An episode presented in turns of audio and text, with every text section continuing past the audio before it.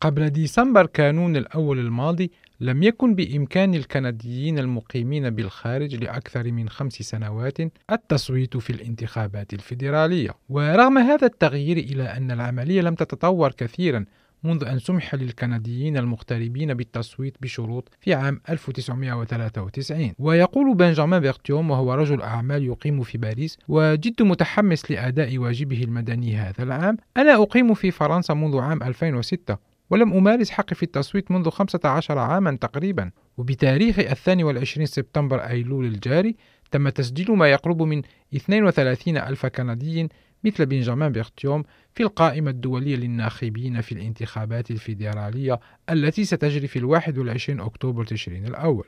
ويشكل هذا أكثر من الضعف مقارنة بانتخابات عام 2015 وأكثر من ثلاثة أضعاف مقارنة بانتخابات عام 2011 ويسجل كل ناخب من الخارج في آخر دائرة انتخابية صوت فيها سابقا في كندا كما تقول ناتالي دو مونتيني المتحدثة باسم هيئة الانتخابات في كندا. ويتم التسجيل عبر الإنترنت أو عن طريق البريد. وآخر موعد للتسجيل هو الثلاثاء 15 أكتوبر تشرين الأول على الساعة السادسة مساء بتوقيت شرق كندا.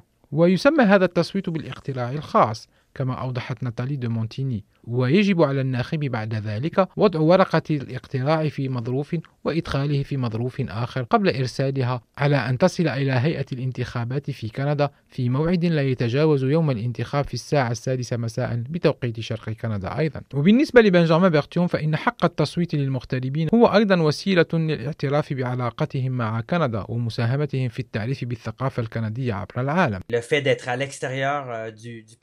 De, de vraiment avoir un point de vue qui est, euh, qui est atypique et qui est selon moi important dans la démocratie euh, canadienne. تواجدنا خارج البلاد يسمح لنا بأن تكون لنا وجهة نظر مختلفة وأعتقد أن هذا مهم للديمقراطية الكندية كما يقول بنجامين بيرتيوم وبالنسبة إلى فرانسيس تيريان الذي يدرس في أوسلو في النرويج منذ يناير كانون الثاني 2018 فإن فتح حق التصويت لجميع المغتربين يثير مسألة فهم التحديات المحلية مع نظام التصويت الحالي. ويقول فرانسيس تيريان إذا غاب الناخب عن دائرته لفترة طويلة قد يتراجع فهمه للقضايا المحلية. بالإضافة إلى ذلك فإن إلزامية القيام بالعملية الانتخابية عن طريق البريد ليست في متناول الجميع. فبالنسبة لماري جوزي هامال التي تعيش في اليمن منذ عام 2018 فإن وصول رسائلها غير مضمون.